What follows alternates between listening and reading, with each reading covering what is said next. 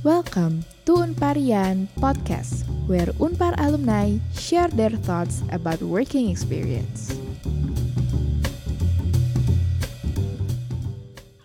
Salam Unparian. Hari ini Penita dan Gemima menemani kalian selama beberapa waktu ke depan di Unparian, podcast Unpar Radio Station. Halo Sobat Kampus, jadi Unparian kali ini hadir dalam bentuk podcast. Unparian merupakan program siaran yang ada di URS yang selama ini sudah banyak banget mewawancarai berbagai narasumber yang pastinya keren-keren dari alumni Unpar. Nah, kalau biasanya Unparian hadir di live Instagram URS setiap hari Senin pukul 3 sore, khusus kali ini dalam episode yang spesial, Unparian hadir dalam podcastnya URS nih. Keren banget ya guys. Oh iya, URS kedatangan alumni Unpar jurusan Administrasi Publik, yaitu Kak Andromeda.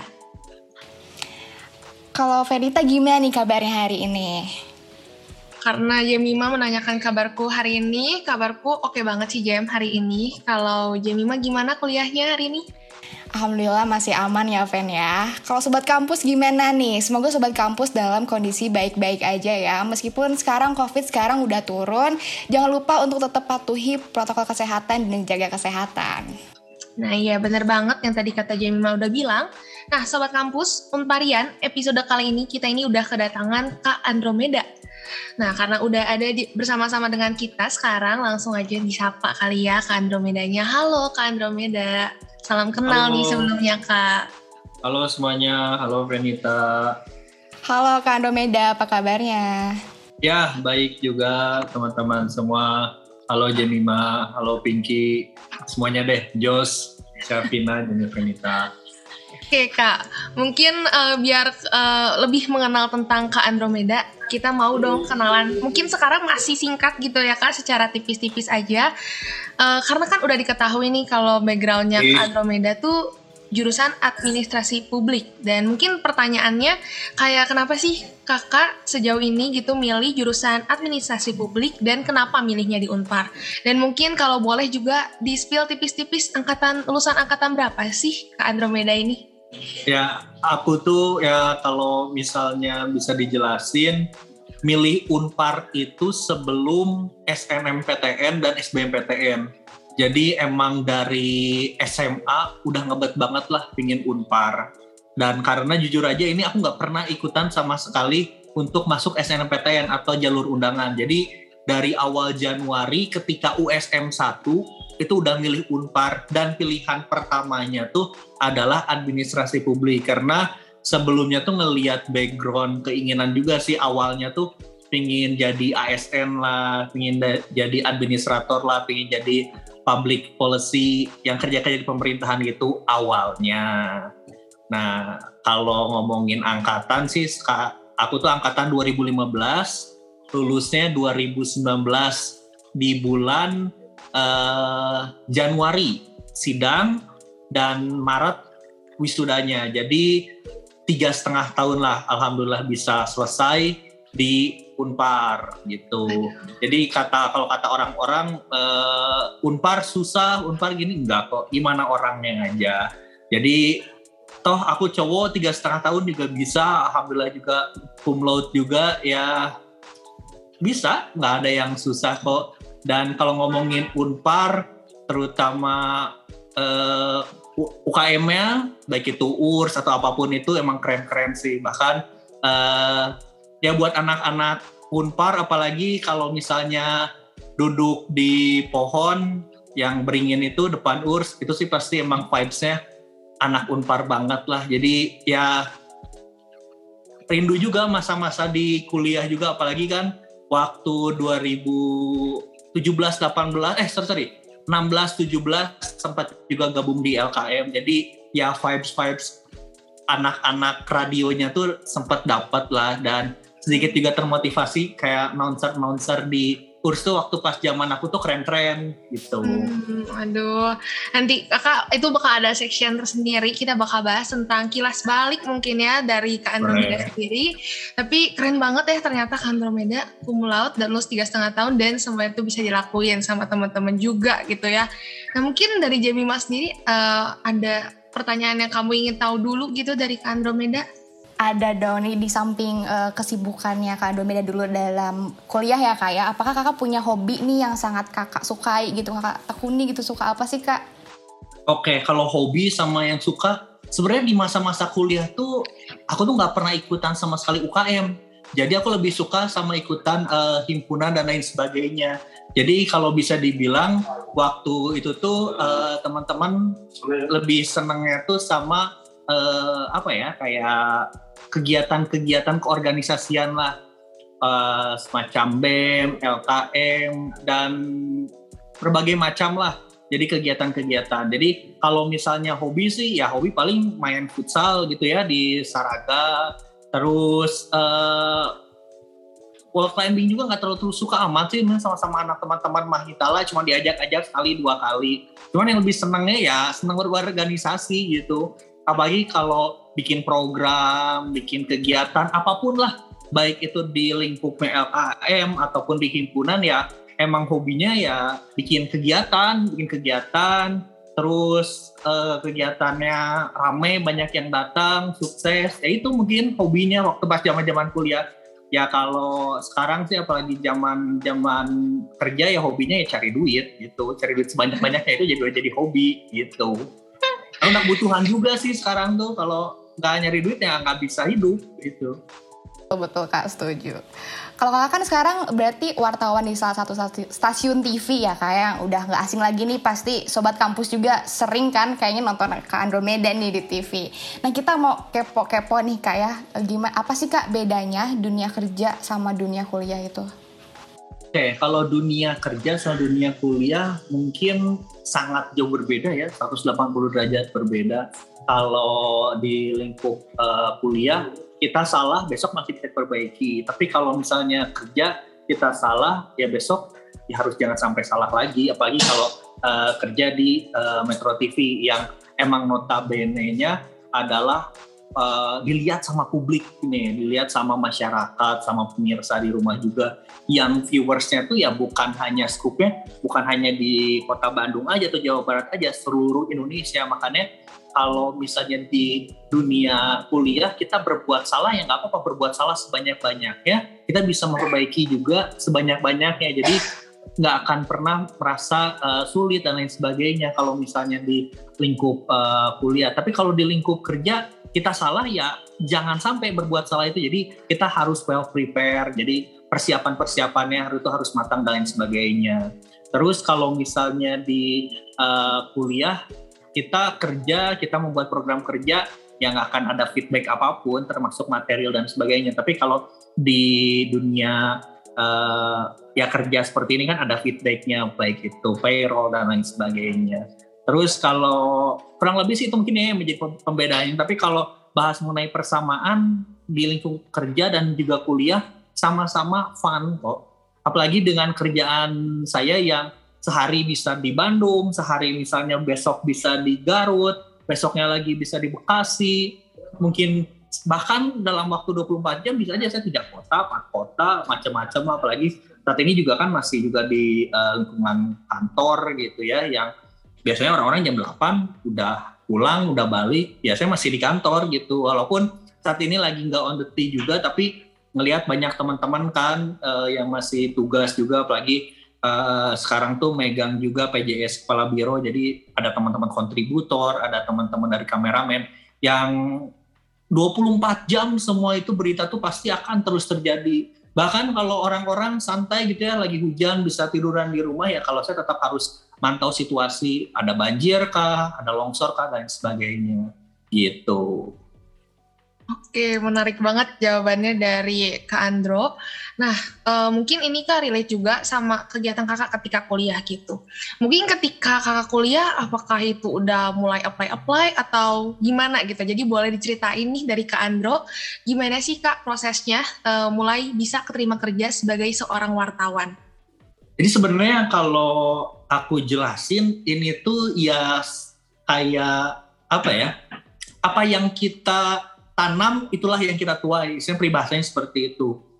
Kenapa aku bisa menjelaskan seperti itu? Karena di tahun 2018 waktu pas pemilihan gubernur di Fisip Unpar tuh ada kegiatan namanya kayak audiensi gitulah kayak memberikan penjelasan terhadap uh, persiapan pemilu 2019. Ingat banget itu Pilgub. Nah, waktu itu tuh aku tuh diajak untuk gabung ke uh, kegiatannya salah satu partai. Nah, kayak partainya berwarna biru lah, akan nyebutin partai apa. Nah, di waktu itu tuh kayak kenalan-kenalan aja. Kan aku kan misalnya di FISIP ya cukup aktif juga lah ya. Mungkin kalau teman-teman tahu di FISIP dulu ada uh, kegiatan run, terus ada bakdes dan sebagainya lah. Mungkin ada teman-teman sini yang FISIP. Nah, itu tuh dulu aku masuk ke divisi advance dan teman-teman di sana tuh ya inner circle-nya juga ya ada yang dekat-dekat juga ke partai politik dan lain sebagainya. Jadi awalnya tuh aku masuk uh, ikut dulu acara doang, masih jadi mahasiswa 2018 tuh di salah satu partai berwarna biru, oke. Okay?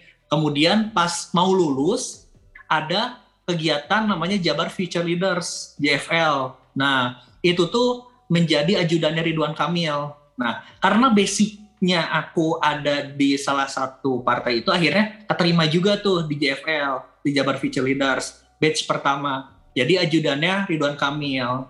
Cuman ya sekitar 2 sampai 3 bulan kemudian ditawarin lah sama uh, salah satu uh, rekan di Pemprov Jabar untuk gabung di stasiun televisi. Nah, akhirnya uh, oke okay lah dan lain sebagainya, diskusi cocok, terima lah di Metro TV begitu. Dan memang sih kalau aku lihat sendiri ya aku bisa berada di Metro TV ya karena juga aktif juga waktu itu. Baik di himpunan di LKM yang semuanya tuh saling mengurut gitulah.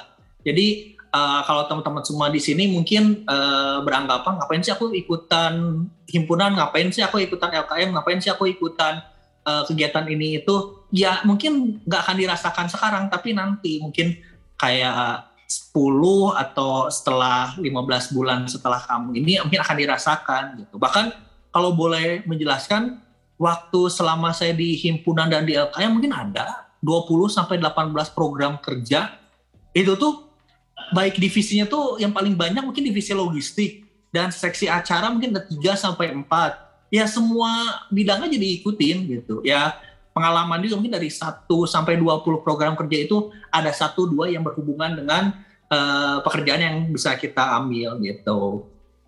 Oh, tapi kelihatannya juga kakak memang berjodoh ya menjadi seorang wartawan ini. Langsung gitu dapat tawaran. Kalau jodoh sih ya nggak tahu juga sih ya, cuman kayak sebenarnya aku tuh paling suka dari dulu sampai sekarang dari zaman kuliah sampai sekarang bertemu orang gitu kayak apa ya kayak dialog dengan orang ketemu sama orang ketemu sama orang yang baru A B C D kayak gitu. Akhirnya kayak pingin kerja tuh nggak pingin kayak kantoran gitu kayak resmi gitu. Masuk kerja jam 8 pulang jam 4 terus uh, kerja depan komputer. Nggak bisa kayak gitu tuh karena pegel banget. Diem aja depan komputer nggak bisa. Nah aku tuh harus yang kayak war sana war sini kayak gitu. Kayak ke mana-mana gitu loh. Dan modalnya tuh adalah ya mulut gitu seneng ngobrol gitu. Jadi kan kalau e, menjadi reporter atau presenter kan ngomong aja. Ya udah ngomong nulis ngomong nulis gitu. Paling ketemu sama orang wawancara gitu ya jadi kayak makanan sehari-hari. Dan berharap waktu pas di zaman zaman kuliah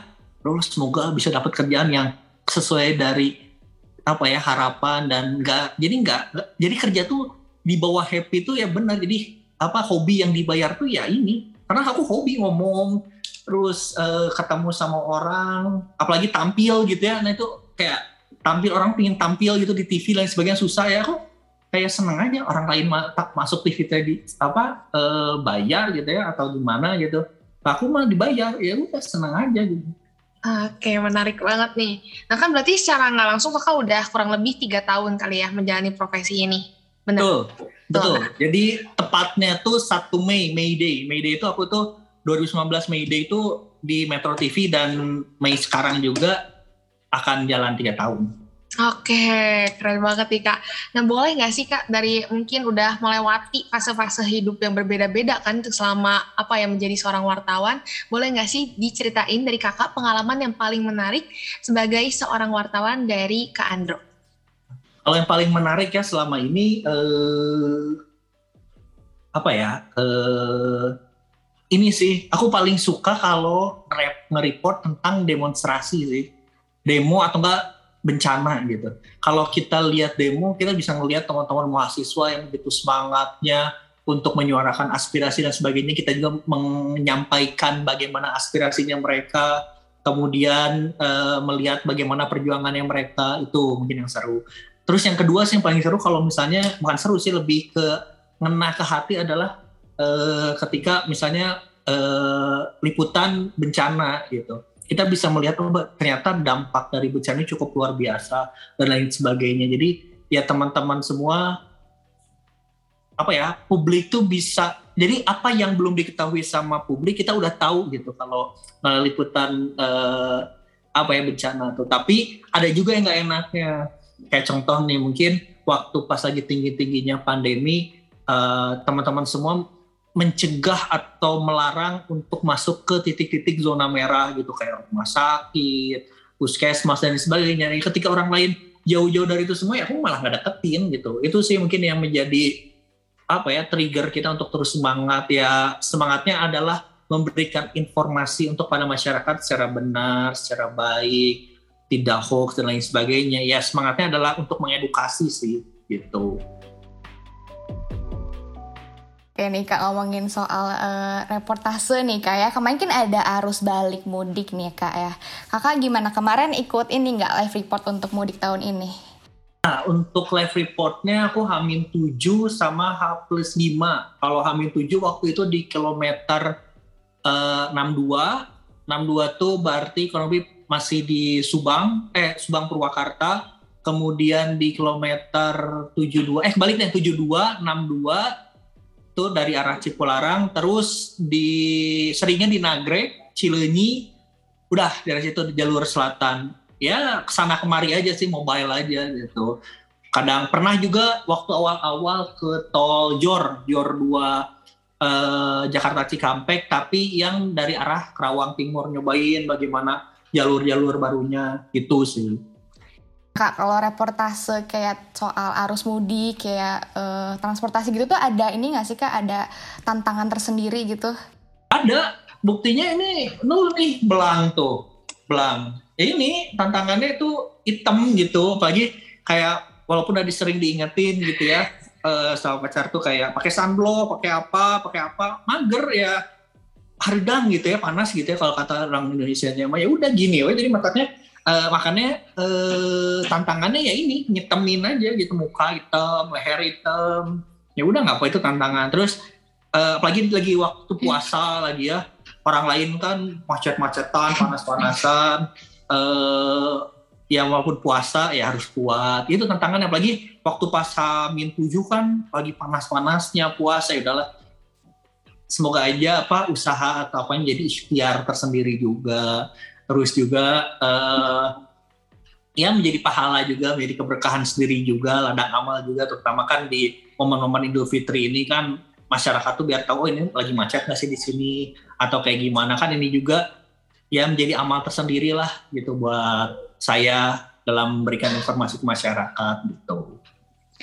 Ini tantangannya karena turun ke lapang lebih ke cuaca dan kondisi sekitar ya kak ya? Cuaca, terus momen juga kan momen uh, puasa juga. Dan mungkin di saat orang lain pulang ke rumah kampung halaman Idul Fitri bareng sama keluarga sama orang tua, lah aku mah di mana? Gitu kan? Jadi cuma bisa video callan doang. Walaupun masih sama di Bandung juga tapi kan momen Idul Fitri itu kan memang tidak bisa terulang kembali ya. Kayak uh, sungkeman ke orang tua. Ya mungkin ada tuh ya yang menarik. Kameramen aku tuh udah 9 tahun nggak pernah kumpul bareng sama keluarga di saat Idul Fitri jadi lebih-lebih dari Bang Toib kalau Bang Toib kan tiga kali puasa tiga kali lebaran abang tak pulang-pulang kalau temen aku mah enggak 9 tahun bayangin tuh jadi kameramen liputan terus saja. Ya mungkin aku ini udah jadi Bang Toib nih, tiga kali puasa, tiga kali lebaran, nggak pulang-pulang tuh ke rumah. Walaupun rumah juga masih di Bandung. Jadi ya momen-momen Idul Fitri setelah uh, sholat id, kumpul keluarga, sungkeman gitu nggak pernah dapat sih. Ya udah jadi Bang Toib aja nih sekarang. Gitu. Nah, tapi dari kakak sendiri nih, uh, mungkin uh, ini mungkin lebih ke keperasaannya dari Kak Andromeda gitu ya mungkin karena melewatkan apa ya momen-momen yang menurutku bisa bareng keluarga tapi jadi terlewatkan gitu ya tapi gimana nih perasaan kakak uh, selama live tuh walaupun gitu ya jauh dari keluarga harus mengingat uh, pekerjaan kembali gimana sih perasaan kakak gitu ketika bertugas kalau perasaan sih seneng ya karena balik lagi ini tuh passion sih. Uh, kerja menjadi reporter tuh kalau katanya chief aku uh, Pak Mirdal CEO juga menjadi reporter tuh the way of life. Jadi ya jalan kita hidup. Jadi ketika orang lain uh, melihat kita tuh kayak capek ngapain sih? Kerja kayak gini-gini ngapain sih? Ada kejadian ini mah diliput dan sebagainya ya ini passion ini uh, jalan kita untuk hidup gitu jadi kalau ngomongin soal menjadi wartawan menjadi seorang jurnalis ya ini adalah cara kita hidup ini adalah cara kita untuk apa ya memberikan kalau kalian tahu lah sesanti unpar lah ya Bah Kuning yang meriguna Sancaya Bakti berdasarkan ketuhanan menuntut ilmu untuk dibaktikan pada masyarakat. Ya, ini mungkin salah satu wujud uh, kita sebagai mahasiswa dan mahasiswi Unpar ya untuk apa ya memberikan informasi atau memberikan uh, ilmu kita ya kepada masyarakat. Jadi sesanting itu bukan hanya sekedar sesanti doang, tapi ya inilah realisasinya gitu. Ya walaupun teman-teman mungkin beranggapan kalau ini apa sih si Kak Andro bullshit banget sih ngomong kayak gini ya enggak tapi ini adalah eh, ketika Pamangadar Situmorang 2015 pada saat inisiasi dan siap gabungan membicarakan sesanti Unpar ya ini mungkin salah satu alumnus saya ya saya menyampaikan ya inilah bentuknya gitu walaupun berbagai macam orang bisa mengaplikasikan uh, ilmunya ya untuk masyarakat ya mungkin ini salah satu cara saya mengaplikasikan ilmu di saya di administrasi publik kepada masyarakat yang mungkin melalui uh, apa ya pelaporan dan reportase di uh, Metro TV gitu. Nah, oke okay, kak. Tapi mungkin kan kak, uh, ketika kakak bilang misalnya ada kayak demonstrasi ataupun hal-hal nggak terduga, misalnya tiba-tiba enggak uh, tiba-tiba sih ya, ada hujan gitu, tiba-tiba harus reportase. Nah itu perasaan kakak gimana gitu kan? Misalnya nih kak, kakak lagi ada dalam suatu yang tidak kondusif gitu, tapi kakak tetap harus melaporkan secara langsung. Nah itu gimana kak perasaan kakak? Apakah kayak ada pesan takut atau kakak ngerasa emang ini pekerjaan saya jadi harus saya lakuin gitu? Kalau takut atau enggak mah nggak ada sama sekali. Bahkan lagi tidur tiba-tiba ada kecelakaan waktu itu di Sumedang, ada orang meninggal siap langsung geser, langsung ke Sumedang. Misalnya lagi eh, enak-enak uh, nongkrong sama teman-teman tiba-tiba takuban perahu meletus waktu itu. Terus uh, lagi santai-santai ngopi apa di kantor tiba-tiba banjir. Nah itu sebenarnya nggak jadi masa tuh udah menjadi resiko tersendiri. Cuman yang memberatkan itu ketika misalnya lagi sama pacar atau lagi pacaran gitu. Tiba-tiba uh, kalau di kita tuh ada korda namanya koordinator daerah. Jadi kita punya koordinator yang mantau di selama 24 jam ada non way gitu di Bandung atau di Jawa Barat teh nah ketika misalnya lagi sama itu kan nggak mungkin tiba-tiba ya pergi sana kan ditinggalkan nggak mungkin juga gitu. Nah itulah yang memberatkan kadang-kadang uh, aduh ada salah satu uh, perasaan juga harus kayak gini ini kayak gini gitu. Kalau misalnya sama keluarga mah keluarga udah biasa banget udah kayak uh, oh ya nggak pulang Idul Fitri. Udah nggak apa-apa. Yang penting transferan masuk gitu. Atau mungkin oh. bulanan ke uh, orang tua lancar gitu. Nggak jadi masalah. Kayak nggak uh, pulang nih waktu pas Idul Fitri nggak apa-apa. Yang penting THR berapa persennya ke mama ke papa udah aman. Adik-adik dapat itu mah nggak jadi masalah gitu.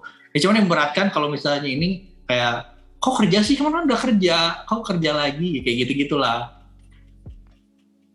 gitu. Oke menjadi member yang paling dirindukan keluarga juga kayaknya kakak ya. Nah. iya iya. Jadi setiap momen Idul Fitri uh, sampai ini jujur ya jadi setiap foto keluarga itu yang ada akunya itu cuma dikit banget sumpah dikit. Bahkan eh, kayak udah udah pasti gitu kayak misalnya kumpul-kumpul keluarga keluarga besar. Oh nggak ada isi Andre oh nggak ada isi Andre. Oh ini tugas di mana? Misalnya. Jadi kayak biar uh, dapetin trust sama keluarga tuh Iya nggak ada lagi tugas tuh lihat aja jam 11 misalnya ada tuh di TV buka TV oh ada anaknya berarti benar kerja itu jadi kayak ngebuktiinnya gampang kalau aku kerja atau enggak lihat aja tuh TV gitu kan misalnya jam 12 gitu. Si Andro mana kayak gini-gini? Iya lagi tugas. Di mana tugasnya? Itu misalnya lagi di Nagrek, oh maunya uh, di Nagrek nggak percaya lihat aja jam segini sampai jam segini ada oh ya benar ada gitu jadi kayak ngebukti ini gampang gitu Dia udah langsung ke monitor gitu ya kak. Nah iya kakak langsung tadi ke monitor kakak udah sempat mention gitu ya hal-hal yang menurut kakak itu adalah resiko-resikonya sebagai seorang wartawan. Nah mungkin kalau aku ngeliat kakak sangat enjoy menjadi seorang wartawan, ada nggak sih kejadian yang paling menarik eh, di dalam hidup kakak gitu ya selama meliput ataupun terjun ke lapangan? Apa eh, kejadian yang paling menarik buat Kak Andro? Eh, waktu demo sih. Jadi emang banyak sih ya mahasiswa mahasiswa yang nggak ngerti gitu ya. Tiba-tiba lagi lempar-lemparan sama polisi ikut kelempar gitu ya. Udah batu gitu ya gede gitu. Bro kan kita partner gitu ya sama gitu. Anda mahas eh, siswa mahasiswi. Ya saya juga pernah mahasiswa mahasiswi gitu. Sama-sama dulu juga pernah pakai alma mater gitu. Jangan ke kita lah misalnya ya walaupun eh, kan apa ada sebutan lah satu dua hal eh, kalau kantor tuh kayak gini kayak gini kayak gini media rezim dan lain sebagainya. Iya nggak apa-apa silakan berpendapat kayak gitu gitu nggak apa-apa kalau kita menerima itu semua. Tapi ya jangan lempar batu juga. Dia pernah waktu itu kayak kalau nggak salah tuh waktu pas eh, demo omnibus law atau apa gitu ya 2019 2020 lupa. Itu ngelempar batu dari kantor DPRD provinsi ke gedung sate banyak tuh mahasiswa bawa batu ngelempar ke atas. Itu mah kalau misalnya nggak ngeliat ya udah weh bocor ya itu mah. Apalagi waktu pas lagi zaman zaman itu nggak bawa helm nggak bawa apa. Terus tiba-tiba polisi dari belakang eh, apa nembak gas air mata. Jadi kita tuh di tengah-tengah gitu. Yang satu eh, polisi nyerang gas air mata yang satu batu itu tengah-tengah weh. Gitu-gitu. Gitu jadi kayak eh resiko gitulah. Namanya juga di lapangan gitu. Ya itu siap lagi. Ya itu mungkin satu dari beberapa cerita. Mungkin kalau yang bisa kita ambil di sini ya menjadi seorang wartawan tuh harus apa ya eh, nggak boleh percaya sama satu sisi aja lah. Kita harus eh, multidimensional gitu. Kita harus melihat dari berbagai sisi berbagai sudut pandang gitu. Jadi ya sedikit bahas soal jurnalistik lah ya kita tuh harus namanya tuh eh, cover both side lah cover both side itu jadi kita kalau melihat orang itu buruk nggak mungkin itu buruk. Pasti ada A B C D nya jadi kita bisa melihat dari berbagai sudut pandang gitu. Menarik banget tadi yang udah dibilangin sama Kak Andro. Berarti membutuhkan nyali juga kan Kak ketika lagi ada hal-hal yang nggak kondusif kayak tadi? Harus berani tetap kan walaupun mungkin iya berani dan nekat sama tapi tetap juga safety nomor satu gitu ya. Yang nekat gue ya. Kumaha dari itu udah lagi di lapangan mah apa pun juga bisa terjadi Setelah dengerin ini nih kisah yang sangat menarik nih dari Kak Ando sharing tentang menjadi wartawan, Kak Ando ada nggak nih tips eh, buat sobat kampus yang pengen jadi wartawan nih Kak? Ada nggak tips biar kita bisa keterima nih kalau kita pengen jadi wartawan kayak kakak ini?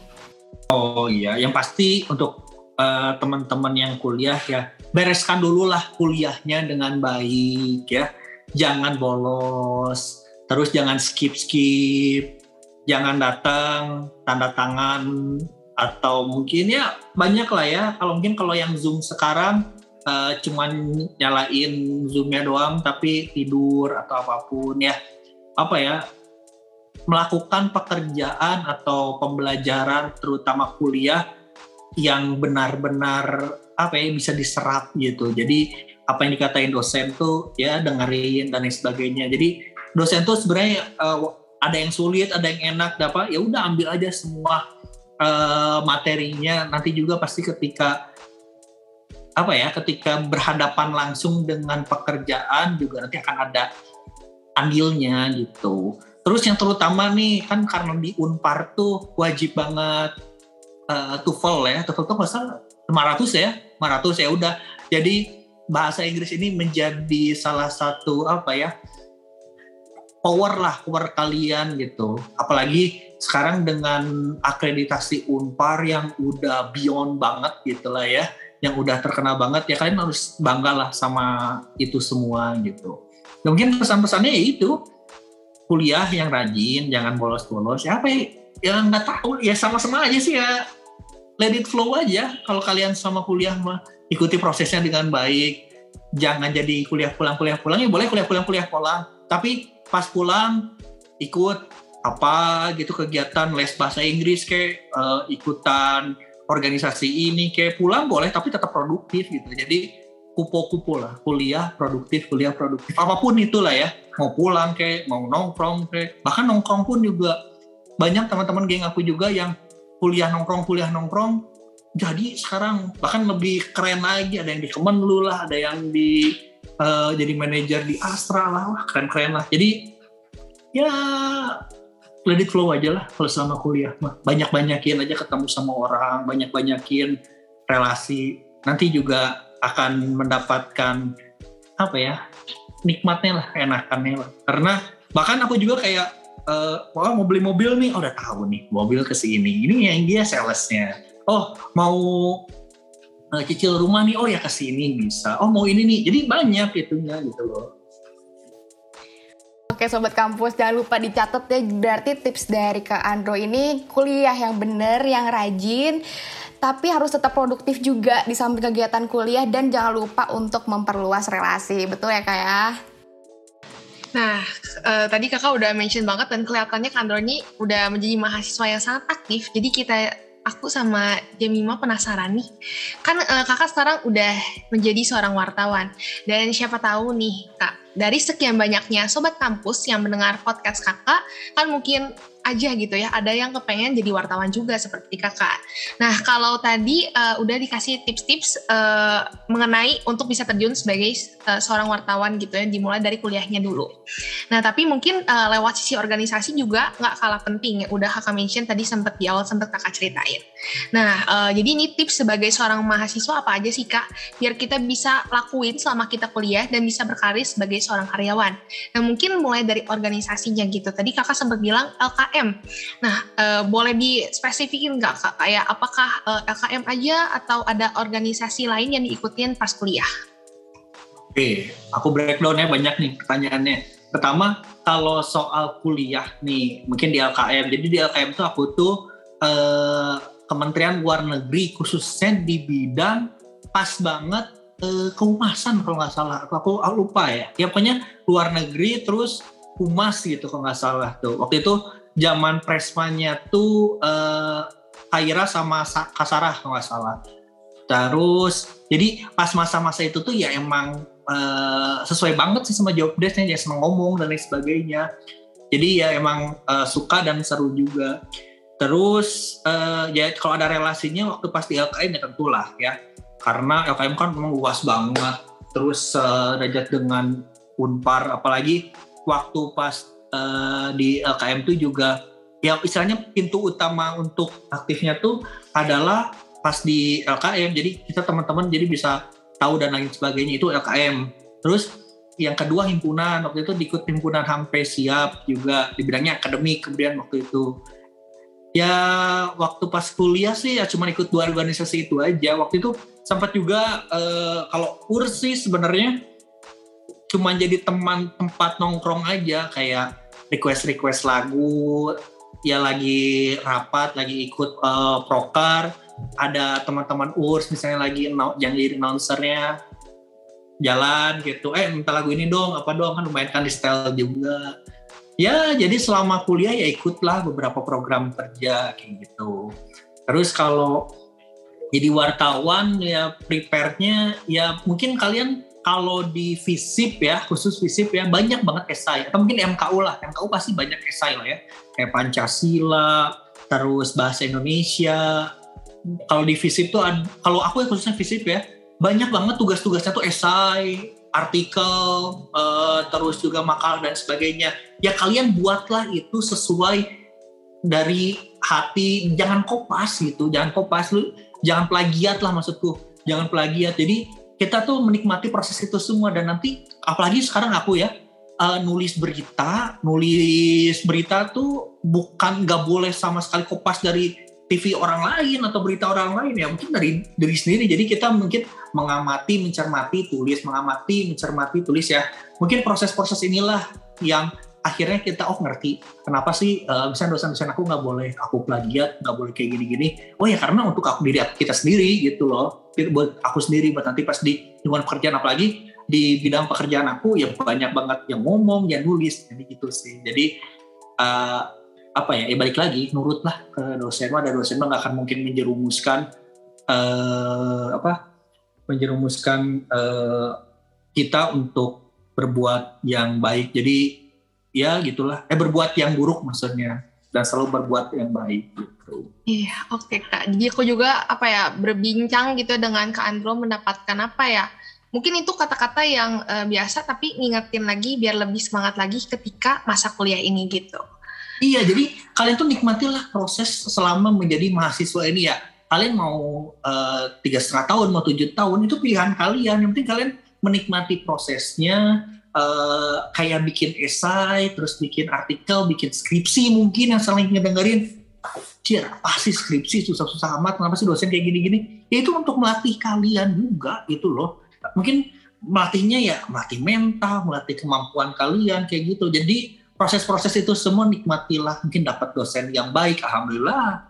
Dapat dosen yang killer, astagfirullahaladzim. Tapi ya proses itu semuanya. Itu mungkin hanya satu dari beberapa anak tangga yang akan kalian hadapi ketika nanti di lingkungan kerja mungkin akan lebih lebih lagi gitu. Kakak dulu gimana nih kak, di samping menikmati proses-proses yang udah tadi kakak sebutin nih ya, dulu kakak ikutan kegiatan ekstra apa nih selain organisasi dan proker-proker? Ekstra nggak ada sih, UKM maksud uh, Jemima? Mungkin lebih ke olahraganya kakak nih yang tadi udah sempat dimention ini. Uh, kalau olahraga enggak sih, karena zaman kuliah nggak suka olahraga gitu. Bahkan olahraga terakhir tuh ya apa ya? Nggak ada SMA doang olahraga yang benar-benar rutin mah. Paling sama teman-teman anak tongkrongan aja di visip gitu. Kayak futsal itu juga futsal juga paling cuma 10 menit 15 menit gitu. Di uh, Pasaga udah nggak ada apa-apa lagi. Jadi zaman kuliah mah jarang lah olahraga itu makanya bisa sampai segede gini. Kalau sekarang ya karena jarang olahraga gitu loh jadi dulu lebih ke have fun aja ya kayak ekstra-ekstranya itu. Iya, lebih kayak uh, ya ikut proker sih kalau olahraga ya emang basicnya tuh atau jadi nggak suka olahraga sih. Lebih ke mager gitu, mager kalau olahraga tuh kayak lah ini gitu. Gitu. Ngomongin soal masih soal kuliah nih kayak relate gak sih kak apa yang dulu kakak pelajari di kuliah ini sama pekerjaan kakak sekarang tuh? Relate banget, banget, banget, banget, malah kalau aku bilang banget. Kenapa bisa, bisa banget? Karena gini loh, uh, mungkin teman-teman semua oh, harus. Oh iya, silakan bu. Bentar ya. Iya, oh, relate-nya kenapa? Karena gini loh, waktu uh, pas aku belajar di administrasi publik atau di fisik itu banyak banget esai. Nah, terus uh, mengamati permasalahan-permasalahan di uh, apa ya permasalahan di masyarakat gitu. Permasalahan di masyarakat atau di publik kan bukan hanya soal kemiskinan aja atau kejahatan aja, banyak permasalahan-permasalahan. Nah, konklusinya itu adalah pemerintah gitu. Terus apalagi di uh, skripsi aku tuh tentang uh, governance dan selama aku uh, bekerja dari uh, awal Mei sampai sekarang tuh tentang kolaborasi ini yaitu uh, pemerintah, governance, terus uh, media, swasta, stakeholders gitu, kemudian ada institusi pendidikan, kemudian satu lagi itu ada masyarakat juga. Jadi lima hal ini ya sangat relate lah, terutama uh, dalam aku bekerja gitu. Ya kebetulan aja sih dapatnya uh, visit gitu. Jadi ya emang relate banget lah kalau soal-soal kegiatan dan lain sebagainya. Jadi mungkin yang harus uh, dipahami sama teman-teman semua kuliah tuh mungkin ada sih yang ah enggak nih aku nggak ngaruh-ngaruh banget. Ya kalau aku sih aku bisa bilang 80% semua mata kuliah aku mungkin kalau yang di administrasi publik bisa dengar kayak kebijakan publik, keuangan publik, manajemen, kepemimpinan semuanya terpakai. Apalagi ketika uh, dihadapkan dengan politik. Nah, karena kan FISIP itu kan fakultas ilmu sosial dan ilmu politik. Ya dipakai lagi. Apalagi ya balik lagi. Aku kan di TV nih.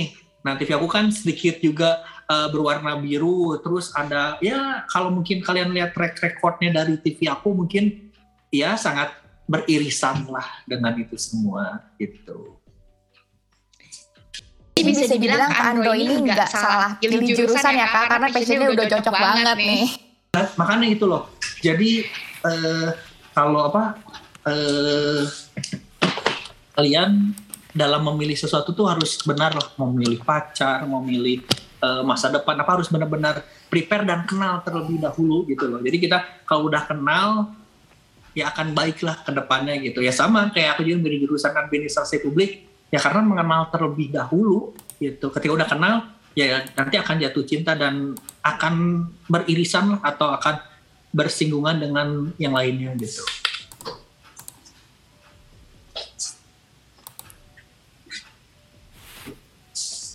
Kalau ini kak aku uh, boleh ini nggak minta kak Ando untuk sharing pengalaman kakak waktu masa-masa kuliah yang nggak akan pernah terlupakan dan sangat berharga banget nih kak.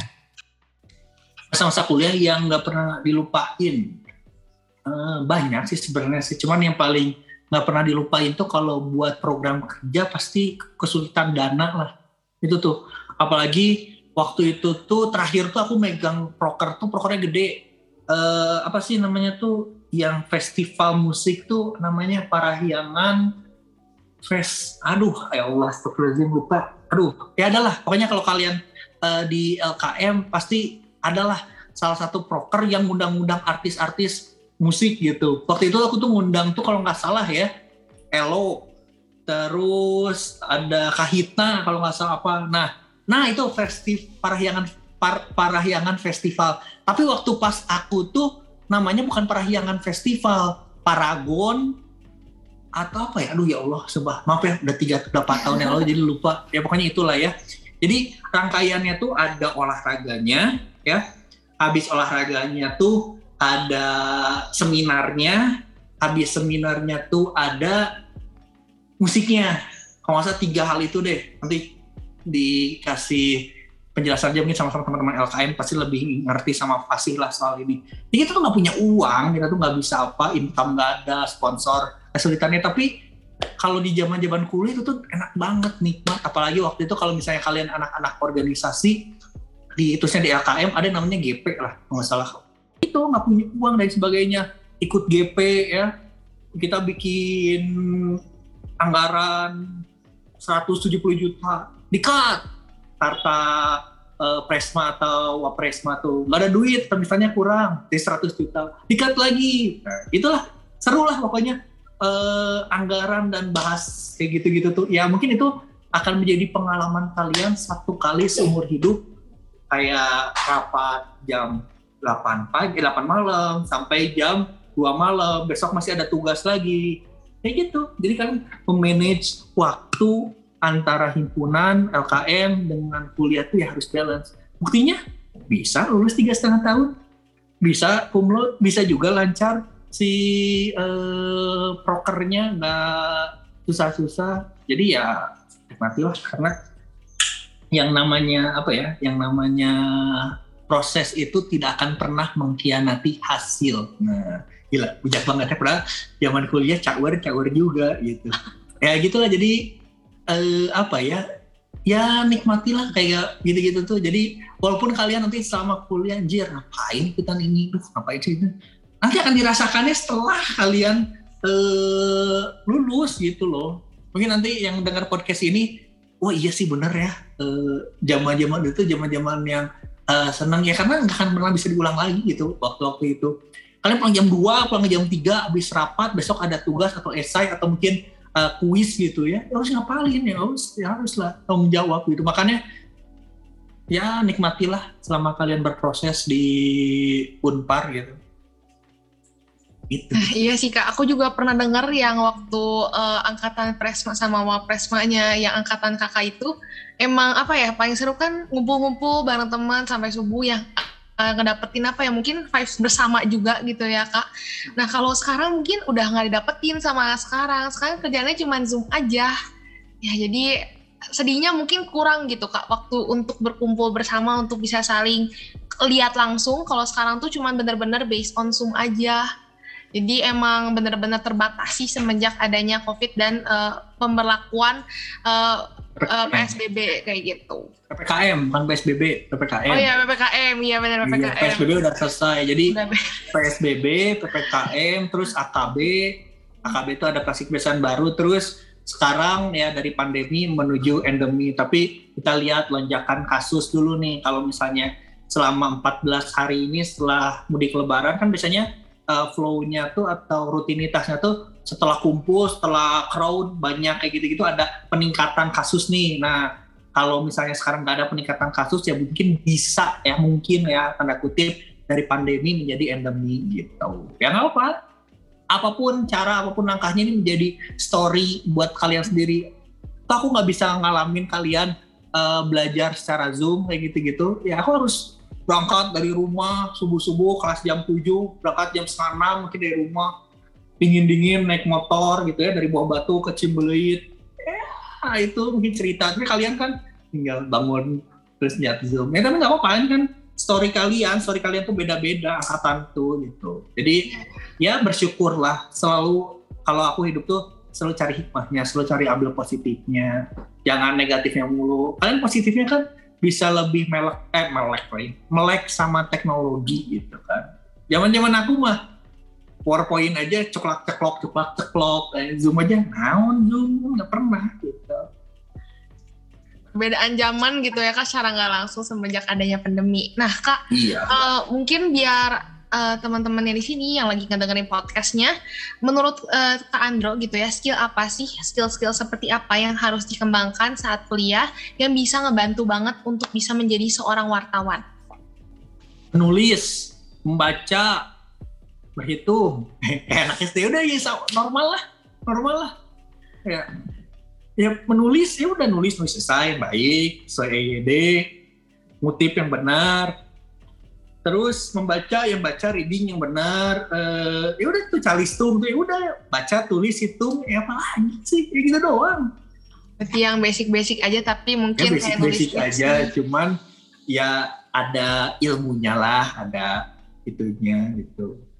Itu Kalau tadi kan skill-skill ya kak ya. Kalau ini Kak Andro ada ini nggak kata-kata motivasi nih buat para pendengar podcast kakak ini yang tertarik untuk jadi wartawan kayak kakak nih. Kata motivasinya nih. yang ini kalian ngutip aja ya di rewind tuh aku tadi ngomong apa aja banyak sih benar kalau motivasi tapi kayak kalau disiapin nggak ada gitu karena aku nggak punya motivasi apa motivasi aku mah ya eh, cari duit buat keluarga gitu sekarang motivasinya tapi ya proses tidak akan pernah mengkhianati hasil bisa. Tuh. terus eh, menikmat nikmatilah apa yang menjadi eh, ya dalam berproses kalian. Ya gitu-gitu aja sih yang namanya juga hidup lah ya.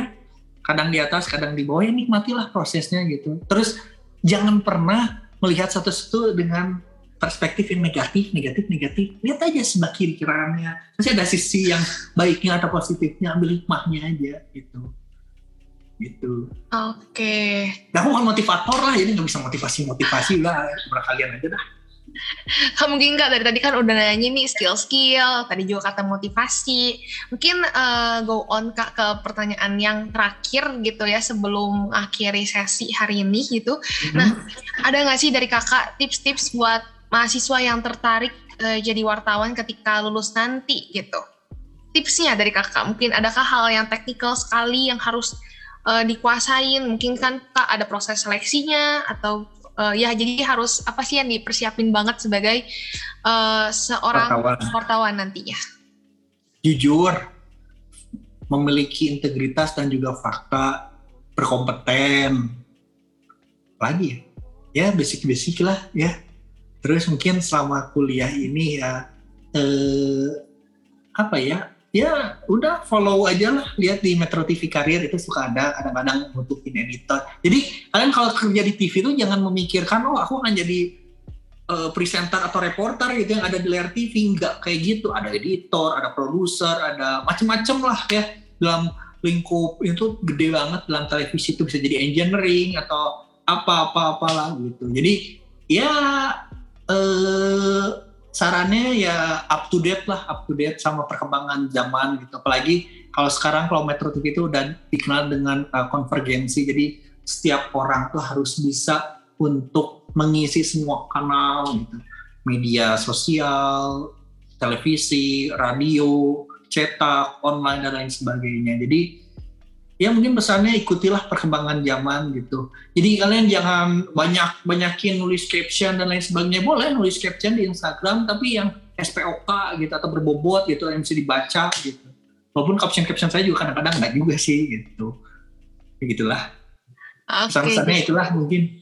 Oke oke, jadi emang uh, banyak belajar banget nih ya sobat kampus dari yang tadi udah dikatain sama Kak Andro, mungkin udah banyak hal-hal yang uh, relevan banget yang semoga bisa membuat teman-teman jauh lebih semangat gitu. Jadi jangan menyia-nyiakan masa-masa kuliah.